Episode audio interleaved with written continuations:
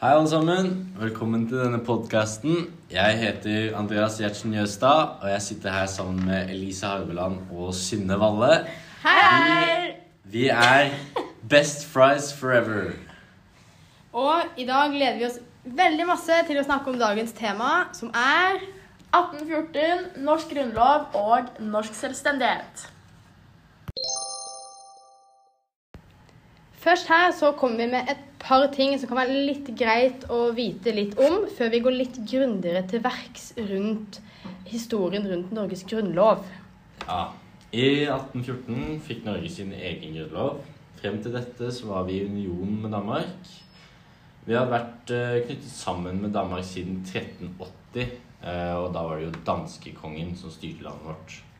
Ja, og i 1807 så ble Danmark-Norge trukket inn i napoleonskrigene, og dette var jo da starten på oppløsning av Danmark-Norge og ny union med Sverige.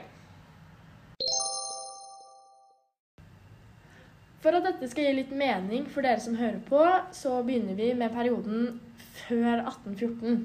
Ehm, for det var jo Eller da skal vi helt tilbake til midten og slutten av 1700-tallet. Eh, For det var da patriotismen vokste frem i Norge. Altså da følelsen av stolthet og tilhørighet til hjemlandet ditt. En annen ting som også skjedde på 1700-tallet, var at Det norske selskap ble etablert i København. Før så hadde Norge bestått av bønder og arbeidere, og nå begynte en overklasse å etablere seg i landet.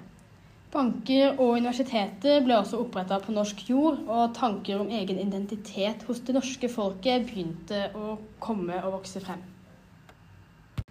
Litt senere, mer nøyaktig i 1801, så startet napoleonskrigene. Eh, Og ifølge Store norske leksikon så er napoleonskrigene en betegnelse på konfliktene som fant sted i perioden 1801 til 1815. Det var jo en krig mellom de europeiske stormaktene, der det var Napoleons Frankrike på den ene sida, og Storbritannia, Russland og tysk, de tyske statene på den andre. Danmark-Norge var jo da nøytrale frem til 1807, da Storbritannia bestemte seg for å angripe den norsk-danske handelsflåten i København. Hos Frankrike var sjøfart et ganske svakt ledd, og Storbritannia var redd for at Napoleon skulle få tak i den norsk-danske flåten. Derfor valgte Storbritannia å angripe Danmark-Norge, som var nøytrale. Og da ble jo naturligvis unionen trukket inn i krigen, men på den franske sida. Dette var de jo ikke veldig fornøyd med. I utgangspunktet hadde de ingen grunn til å delta i krigen på den franske siden. Ikke nok med at de angrep en union som var nøytral i krigen. De Storbritannia valgte å sette opp en handelsblokade mellom Danmark-Norge og Storbritannia. Så varer som ble produsert i Norge som trelast og fisk, ble ikke mulig å eksportere, og vi fikk heller ikke noen varer importert. Og da ble det jo en hungersnød i Norge, og nordmennene de mente at de fikk for lite hjelp av Danmark. Eh, Så ønsket om selvstendighet og egen politikk i Norge ble jo da naturligvis forsterket. Det begynte jo også å bli litt kritikk mot det danske styret. Og da sitter du igjen med tankene fra 1700-tallet om egen identitet, og disse tankene fortsatte jo da å vokse. Seks år etter Danmark-Norge ble trukket inn i krigen, altså i 1813, så tapte Napoleon slaget ved Leipzig. Eh, Dette var da starten på at franskmennene begynte å tape krigen, og i januar 1814 ble det holdt en seierskonferanse i Kiel. Seierskonferansen ble til en fredsavtale mellom kongene i Danmark og Sverige. Den er kjent som Kiel-traktaten. I traktaten sier det at Norge, kongen av Danmark, og avstår Norge til kongen av Sverige og hans etterfølgere. Men det står også at Norge skal få lov til å bestå som en selvstendig stat i unionen, og dette kalles en personalunion. Da denne avtalen ble laget eller undertegnet, så var det ingen som hadde spurt hva nordmennene ønsket, og Kiel-traktaten førte derfor til opprør blant nordmennene. Og det som da skjedde, var at prins Christian Fredrik innkalte representanter fra den norske elite til et stormannsmøte på Eidsvoll som foregikk 16.2.1814, hvor de skulle diskutere Norges framtid. Og her ble de da enige om å avvise denne fredsavtalen, eh, og så innkalle til et grunnlovgivende møte. Eh, de møttes så den 10. april, eh, og på dette møtet så var det bred representasjon, og forsamlingen er kjent som Riksforsamlingen. Eh, Riksforsamlingen besto av 112 menn, 53 av de fra landsdistriktene. 33 av de fra hæren og flåta, og 26 fra byene. Riksforsamlingen møttes den 10. april, og de hadde litt tidspress på seg. Det var fordi de måtte ha grunnlov og valg av konge på plass før den svenske kronprins, kronprinsen Karl Johan var tilbake og kunne sette makt bak avtalen fra Kiel. Eh, ja, da har vi snakket litt om hva som skjedde fram til 1814. Uh, så nå skal vi vel egentlig bare gå videre til selve Grunnloven. Det skal vi, og hovedprinsippene i Grunnloven den bygger på folkesuverensprinsippet, som er at makten skal ligge hos folket. Det bygger også på maktfordelingsprinsippet, som er Andreas. Eh, at makten måtte deles mellom flere maktorganer som var uavhengige av hverandre, og var nødvendig for å skille mellom disse statsmaktene. I tillegg eh, er et av prinsippene borgerrettighetene. De skulle sikre borgernes rettigheter, rett til ytringsfrihet, næringsfrihet og rettssikkerhet. Riksforsamlingen på Eidsvoll de hadde kjennskap til andre lands grunnlover, og brukte dette som inspirasjonskilde til vår egen grunnlov. Dette gjelder særlig den franske grunnloven fra 1791 og den amerikanske uavhengighetserklæringen fra 1776. Eh, det fantes flere ulike utkast fra, nei, av Grunnloven, men utkastet til Christian Magnus Falsen og Johan Gunder Adler regnes som det aller viktigste. Eh, forsamlingen som da skulle lage grunnloven vår, delte seg inn i eh, komiteer, der den viktigste komiteen var konstitusjonskomiteen. De fikk i oppdrag å utarbeide et endelig utkast til vår grunnlov. Komiteen formulerte elleve grunnsetninger og hadde utkastet sitt klart på åtte dager. Deretter ble utkastet diskutert i fellesskap, og dette dannet grunnlaget for videre arbeid i komiteen.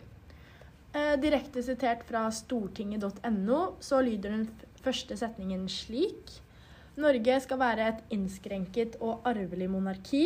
Det skal være et fritt, uavhengig og udelelig kongerike, og regenten skal føre tittel av konge. Under grunnlovsarbeidet på Eidsvoll ble det også laga to partier. Det ene var Selvstendighetspartiet, og medlemmene her ønsket at Norge skulle være selvstendig med Christian Fredrik som konge. Det andre partiet det var Unionspartiet, eh, og de hadde ikke særlig tro på at Norge kunne være en selvstendig stat uten stormaktene, og mente derfor at en løs union med Sverige ville være det beste og mest realistiske. Selv om det var uenigheter mellom representantene på Eidsvoll, så hadde de ett felles mål. De ønsket selvstendighet for Norge, og alle var enige om at grunnlov var en viktig ting for å beskytte denne selvstendigheten og borgernes rettighet. Så 17. mai 1814 ble grunnloven bekrefta offisielt, og riksforsamlingen gikk til valg av konge. Uh, uavhengig av uenighetene uh, i riksforsamlingen, så ble valget enstemmig, eller valget var enstemmig. Og den danske prinsen Christian Fredrik, eh, altså den norske stattholder, ble utnevnt til konge av Norge. Etter 1814 fikk det norske folk smaken på selvstendighet pga. Grunnloven. Dette varte dessverre ikke lenge, for etter to måneder kom den svenske kongen Karl Johan og hans hær tilbake fra konflikten mot Napoleon. Norges selvstendighet og grunnlov gikk imot bestemmelsene i Kiel-traktaten, eh, noe Karl Johan ikke fant seg i og rykket derfor over grensen til Norge og startet en liten krig. Christian Fredrik hadde hele tiden sett at en union med Sverige virket uunngåelig, og var derfor villig til å forhandle med Sverige for å unngå en stor krig. Til tross for at norske regjering ikke ønsket dette. Norge hadde dessverre heller ikke noe støtte fra stormaktene, som gjorde det veldig vanskelig å unngå en ny union. Etter to uker kom Karl Johan med et forslag om våpenhvile, og at Norge kunne få beholde grunnloven sin i union med Sverige om det kunne gjøres noen endringer. Denne sjansen grep Christian Fredrik, og forhandlingen startet den 10. august 1814 i Moss. Og bare fire dager etter, altså 14. august, så ble massekonvensjonen undertegnet. Dette var en avtale som besto av bl.a. våpenhvile og en politisk konvensjon om hvordan unionen mellom Norge og Sverige skulle foregå.